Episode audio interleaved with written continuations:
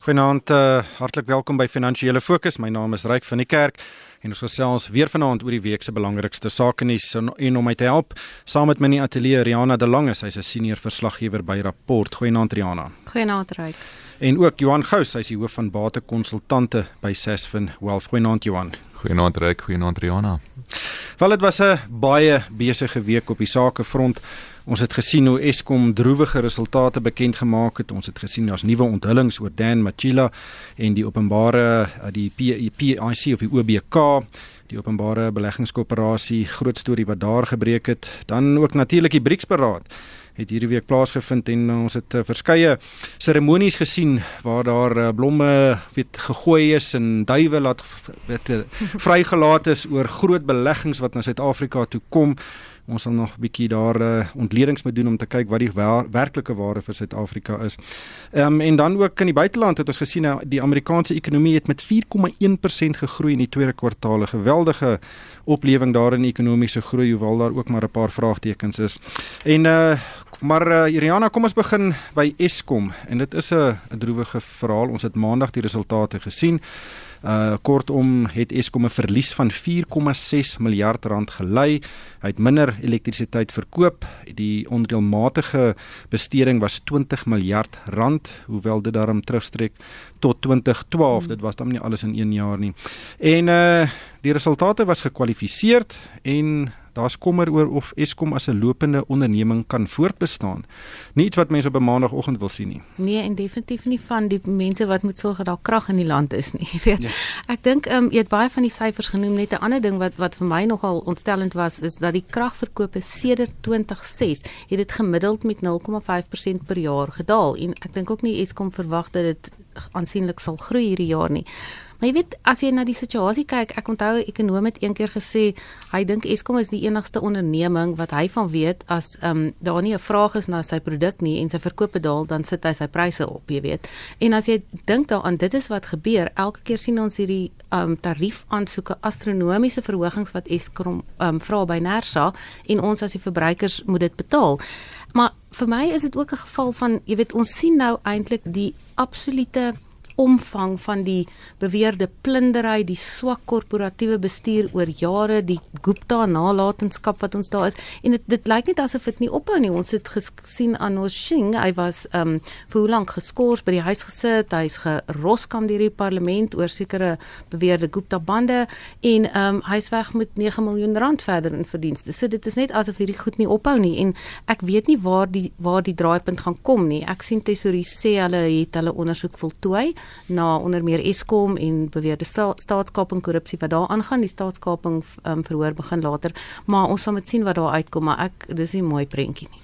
Johan Ja, Ryk, jy weet, hy sit hier met 'n instansie wat totale skuld het van 368 miljard rand wat uh, met behulp van die regering basies gefinansier word. Dan sit hy met 'n werkerskorps. Kom ons uh, gesels net gou oor 300 hoeveel miljard rand se skuld? Ja, dis 368 miljard rand se skuld reik. Dit is uh, omtrent 'n derde van ons inkomstebegroting van uh, die hele land. Ja, en jy sien die probleem is dat omtrent al die inkomste wat Eskom verdien, gaan omtrent weer net so aan die ander kant weer uit om hierdie uh, skuld te finansier. Dan sit jy ook met 48600 personeel by Eskom.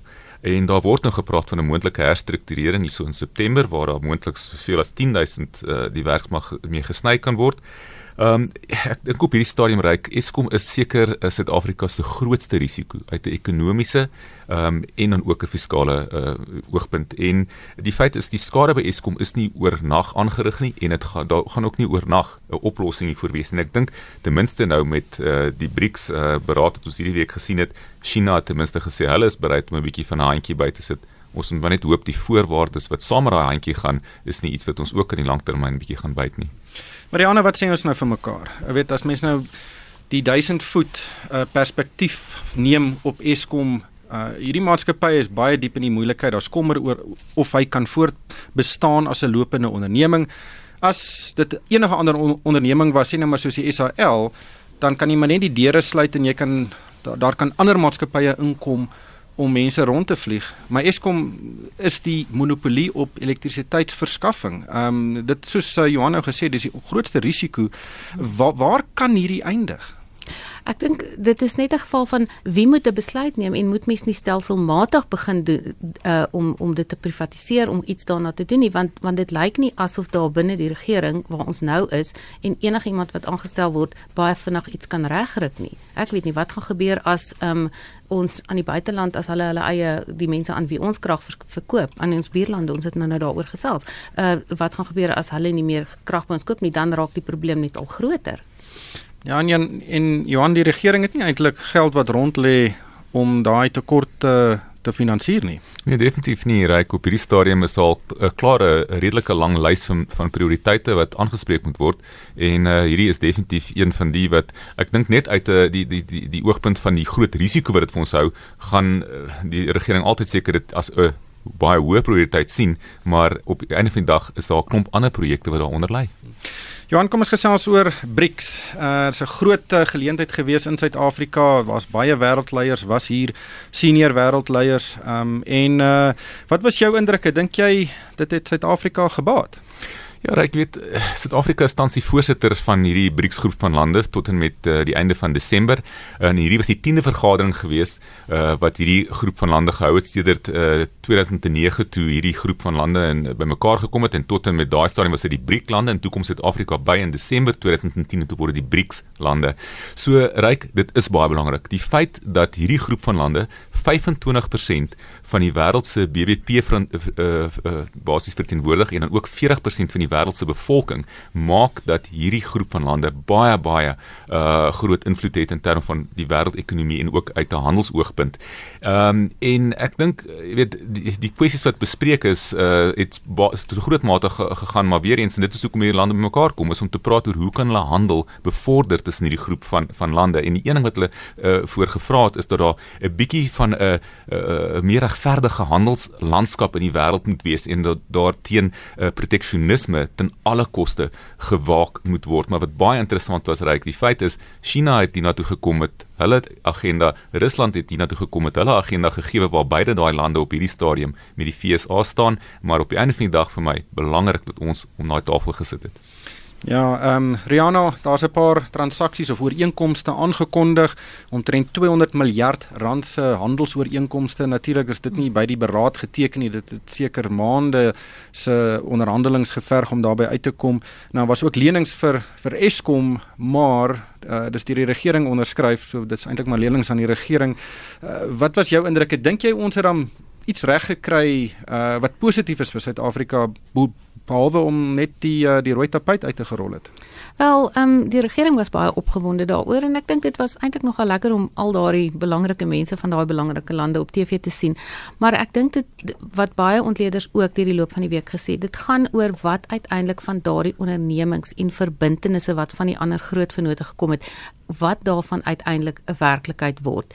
En um, ek wil bietjie um, net verwys na 'n gesprek wat ek vroeër hierdie week gehad het met Cyril Prinsloo van die um, South African uh, Institute of International Affairs en hy het gesê wat interessant is as jy kyk na die OSO lande, hulle het 'n sekretariaat in plek om 'n uh, dop te hou om amper rekord te hou van die soort van goed wat waar besluit is waartoe lande hulle verbind het en wat dan uiteindelik daarvan word. En dat daar 'n soort meganisme soos daai miskien kan nog gekyk word binne BRICS want dit raak nou nog al 'n baie groot organisasie. En om dan te kyk wat van daardie goed in inderdaad um, realiseer. Want dit is wat Suid-Afrika wil hê. Nou ons moet daarom ek wil net so 'n bietjie sê daar was daarom die Chinese het daarom nou hulle um, motorfabriek daar in Kuga hierdie week um, die eerste fase is amper voltooi en hulle sê hulle gaan begin motors jy weet die sogenaamde semi-knockdown motors wat hulle eintlik monteer daar um, begin. So dit is ook 'n uh, ooreenkoms wat lank terug al van kom van 2015 af weet ons dit kom, maar dit is daarom iets wat gebeur en daar's werkskepping, daar's kontrakte toegeken, maar dis die die res van die goed moet gebeur om 'n verskil te maak vir ons in ekonomie en werkskepping. Ryk, ja, jy weet vir my is dit belangrik uh, dat ons om daai tafel sit want eerstens ons kan 'n bietjie van 'n invloed begin hê oor wat daai groep van lande wat hulle beleid gaan wees. Al, al is ons nie noodwendig so groot relatief tot die res van die lande nie. Ons kan dan ook op die hoogte van sake bly in terme van wat dink hierdie portuïergroep van lande rondom ons en ons kan ook deur die BRICS bank meer gunstige finansiering kry as wat ons byvoorbeeld by die IMF of by die Wêreldbank sal kan kry. En dan natuurlik, dan is daar geleenthede vir beleggings soos wat die Chinese nou aangekondig het dat hulle 200 miljard rand basies uh, beleggings in Suid-Afrika gaan doen. Nou dit is 'n geweldige hupstoot vir die 1 trilljoen rand wat meneer Ramaphosa oor die volgende 5 jaar as beleggings uit die buiteland wil kry. Ja, ek dink ook die groot waarde is nie wat van podiums afgesê word nie, maar daar wat laat nag oor uh, dikse gare en en stywe doppe bespreek word en en daai verhoudings wat jy opbou dan tussen uh weet mense eerder as wat dit tussen beamptes is van verskillende lande maar ehm um, Johan een van die grootste besprekingspunte daar was hierdie handelstariewe ehm um, wat Amerika teen China wil instel en in tydens die beraad word uh, wel kom Amerika en hy kondig aan dat in die tweede kwartaal het hy ekonomiese groei van 4,1% be, uh, behaal. Ehm um, dit was bietjie laer as die verwagting as van 4,2 tot 4,3%, maar is nog steeds geweldige goeie groei vir die wêreld se grootste ekonomie. Ja, Ryk, en ek weet dit is die beste groei wat ons gehad het sedert 2014 en uh, meneer Trump het dit absoluut uh, al die erkenning uh, gevat vir hierdie uh, besondere prestasie en hy het sommer by die vergadering ook vir meneer Obama as sy voorganger ook gekritiseer vir die gemiddelde groei van 2.2% wat daar in Amerika was van 2012 tot 2017. Maar ek dink meneer Trump moet maar sy oomblik van glorie dalk nou maar geniet, uh, want ekonome is dit eens dat hierdie groei nie volhoubaar is nie en dat aan die einde van 2019 die FSA se ekonomie heel moontlik 'n drastiese daling in groei kan ervaar. En die rede hiervoor is dat die uh, dat daar 'n eenmalige stimulus was uh wat met die met behulp van die belastingbesnoeiings in die FSA wat gehelp het dat verbruiksbesteding met 4% in die tweede kwartaal gegroei het. Verder is rentekoerse op pad om verder te styg wat die dollar gaan sterker maak en wat dan uitvoere vir Amerika 'n uh, bietjie van 'n probleem uh, gaan laat ont, uh, ontstaan want hulle uitvoere gaan dan uh, dan natuurlik minder uh, kompeterend wees. En voorts ehm um, het hierdie 4.1% groei uh, dan ook 'n 'n 'n voordeel gehad uit die feit dat uitvoere met 9% gegroei het en dit kom nou weer terug na die handelsoorlog kwessie en die rede is dat boere het voor die instel van hierdie tariewe deur China 'n klomp sojabone uitgevoer na China en dit het ook daai eenmalige effek geskep. En die feit is reg, een swaalkie maak nie 'n somer nie. Uh meneer Trump wil nog steeds sien dat daar 3% groei hierdie jaar gaan wees en dit sal die beste groei wees sedert uh 2005. Maar mens kan nou kyk na die syfers en nou die ja maar uh tipe van argumente voer. Ehm um, hy het baie ingemeng in die ekonomie, Rihanna en dit lyk asof daar resultate kom. Mens kan nou hoef men nou nie te hou van Trump om miskien 'n bietjie erkenning erkenning te gee dan dat daar iets gebeur nie al is dit op die kort termyn. Ja, ek dink tog so en ek bedoel daar was uh, enige iemand wat wat belastingverligting kry en daardie goed weer terugpomp in die ekonomie. Dit is dit is goed. Ehm um, ek dink net miskien waar die kritiek en mense kyk altyd vooruit en eintlik die kritiek op Trump dat hy so van vare daarvan maak en jy weet mooi sê maar dis al my beleidsbesluite alles is wonderlik en sodat mense sê kom ons temper dit net bietjie en seker maak jy weet dat dit nie so gaan voortgaan nie. Ja, ek dink daar's nog baie van sy verkiesingsbeloftes wat hy moet nakom. Daar's nog 'n muur wat hy moet bou. Ehm um, en dis meer. Ehm um, maar Johan uh, nog 'n groot storie was Dan Magila, natuurlik die hoof van die Openbare Beleggingskorporasie, die OBK. Nou die OBK is die grootste batebestuurder in Suid-Afrika. Daar's so wat 2 triljoen rand of 2000 miljard rand onder sy bestuur en dis grootliks die geld van die staatspensioenfonds ehm um, wat hy bestuur. En hierdie week het van die OBK werknemers 'n brief geskryf aan die voorsitter Mondli Gungumbele en hom gevra dat Magila en ook die finansiële direkteur Machepo More ehm um, geskort moet word want daar is van hierdie werknemers wat wil getuig teen hom in hierdie ondersoek na die ongeruimthede wat daar plaasvind. Ehm um, en uh, dit lyk net asof haar soos miskien by Eskom 'n paar geraamtes in die kas is en hopelik kan ons daai kas deur oopmaak en dit val uit. Ja, weet jy, die OBK is uh, strategies baie belangrik want um, hulle verteenwoordig dan die pensioengeld van soveel van ons publieke werkers. Hulle is volgens my ook uh, veronderstel die instansie te wees wat 'n voorbeeld stel vir hoe uh, batebestuurders uh, die batebestuurindustrie in Suid-Afrika moet werk met die publiek se geld. So ek dink hierdie hele kwessie van 'n onafhanklike ondersoek wat gaan gebeur is is krities en ek dink as dit uh, op 'n punt kom waar die mense binne in die organisasie al bereid is om te begin opstaan en te sê wat hulle glo wat besig is om te gebeur, dit is baie baie positief. Dis 'n baie goeie punt daai Rihanna. Ons het dit nog nie gesien by baie van die ander instansies nie. Ja, dit is waar, maar soos ek nou verstaan is dat omdat daar 'n vorige uh, ondersoek was en hulle het gekyk na meneer Machila of dokter Machila, ehm um, en die direksie het hom vrygespreek en gesê alles is is heeltemal goed, so gaan hy nie nou uit sy pos verwyder word nie. En dit laat die vraag ontstaan as mense dan voel hulle gaan geviktimiseer word as hulle wil kom met met bewyse en goed, wat gaan daarvan gebeur? En die ander ding net is daar was heeltyd personeelverenigings, vakbonde, uh kleiner groepe wat gesê het ons voel besorg oor die staatsdienste geld, uh pensioengeld wat by die OBK is en baie daarvan is afgemaak en dit lyk nou asof daar soos jy sê 'n paar geraamtes in die kas is. Ja, soos jy ook uh, gesê het, um, Johan, dit moet 'n onkreukbare instelling wees. Dis uh, nie die staat se geld nie, dit is uh, gewone mense se geld wat vir die staat werk en dit is amper soos die ontvanger van inkomste ook en die reservebank. Dis instellings wat 'n voorbeeld moet stel en en werklik uh, onkreukbare integriteit aan die dag lê en dis verseker nie hierdie geval nie.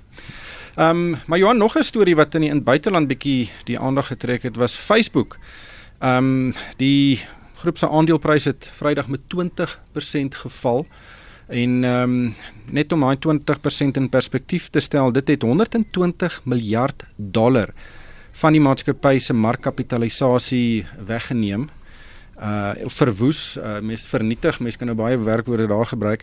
En ehm um, dit is die grootste daling van enige maatskappy ooit uh, op die Amerikaanse markte. En 120 miljard dollar is gelyk aan 1,45 triljoen rand wat die ma markkapitalisasie is van Naspers. Ja, reg, jy weet. dit dit is dit is uh, dit is ongelooflik as jy na daai syfers kyk. Ehm um, en dit plaas soveel dinge in perspektief. Jy weet, die mense dink dit aan staan nog byvoorbeeld. Maar die feit is reg dat wat baie interessant was hier. Facebook se verdienste was in lyn met wat die mark verwag was. Dit was nie die kwessie gewees nie. Die groot kwessie hier gaan oor die feit dat hulle aangekondig het dat hulle nou minder aktiewe uh, verbruikers het van hulle dienste of op hulle platform het. En dit gaan alles op die einde van die dag en, en dieselfde ding het basies met Twitter gebeur 'n dag later. Hulle het ook 20% gedaal. Dieselfde redes. Twitter het ook aangedui dat hulle minder mense op hulle platforms het. En dit gaan alles oor hoeveel oë het jy op jou platform en hoeveel advertensieverdienste gaan jy dan daaruit kan uh, basies verdien as gevolg van die mense, hoeveel dit mense wat op jou platform het. Uh, die ander ding vir Facebook ongelukkig was dat hy is in uh, Noord-Amerika en in Europa het hy al redelik baie ehm, 'n um, groot uh, deel van die mark. So daar's nie werklik groot groei geleenthede daar nie, maar ek dink wat ons hier gesien het reik, hierdie maatskappye sit in 'n situasie waar die reguleerders besig is om bietjie meer druk te plaas in terme van die uh, privaatheid van die verbruikers op daai platforms en dan ook sekere van die privaat uh, die privaatheid van die inligting en hoe dit hanteer word deur daai platforms. En nou sê die die die die beleggerspubliek wat se impak kan hierdie heel moontlik hê in terme van die hoeveelheid mense wat op daai platforms is en dan die advertensies en natuurlik dan op die einde van die dag die inkomste van maatskappye wat ten alle koste gegroei het uh en heeltyd nuwe rekords uh, geslaan het. Ja, ek dink ook uh, Rihanna dit wys dat hierdie groot tegnologie maatskappye is nie so onaantastbaar as wat baie mense hulle dink nie. Dis natuurlik die FANGs, Facebook, ehm um, Apple, Netflix, ehm um, en en dis meer ja. Alphabet ja, uh, Google. Hmm. Uh en en weet dis twee van die maatskappye wat die markte die meeste weet ondersteun het die afgelope paar jaar en daar is tog geweldige risiko's daaraan verbonde. Ja, en ek dink die die feit is die verwagtinge is geweldig hoog en ek sien nou die om net Facebook se probleme nou te vererger is daar blykbaar 'n groep in Amerika wat met 'n klasaksie wil begin om te sê jy weet uh die geweldige skok van hierdie daling en dit die verliese was so groot. Ja, en en arme Mark Zuckerberg se se wel welvaart en rykdom het nog al 'n redelike slag hiermee gekry. Maar ek dink um dit is dit is hoe die markte draai en soos hulle markte versadig raak of of um, mature is dit die regte woord, um, dan dan dink lyk dinge nie meer so voorspoedig vir die vir die toekoms nie. Ja, bepaald. Ongelukkig hierdie tyd ons ingehaal. Baie dankie aan Rihanna de Lange. Sy's 'n senior verslaggewer by Rapport en Johan Gous, hy's die hoof van batekonsultante by Sasfin Wealth. En vir myself Ryk van die Kerk, dankie vir die saamluister en ek hoop almal het 'n winsgewende week.